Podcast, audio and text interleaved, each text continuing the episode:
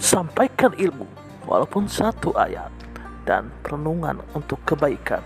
Berbagi ilmu sama, sama teman.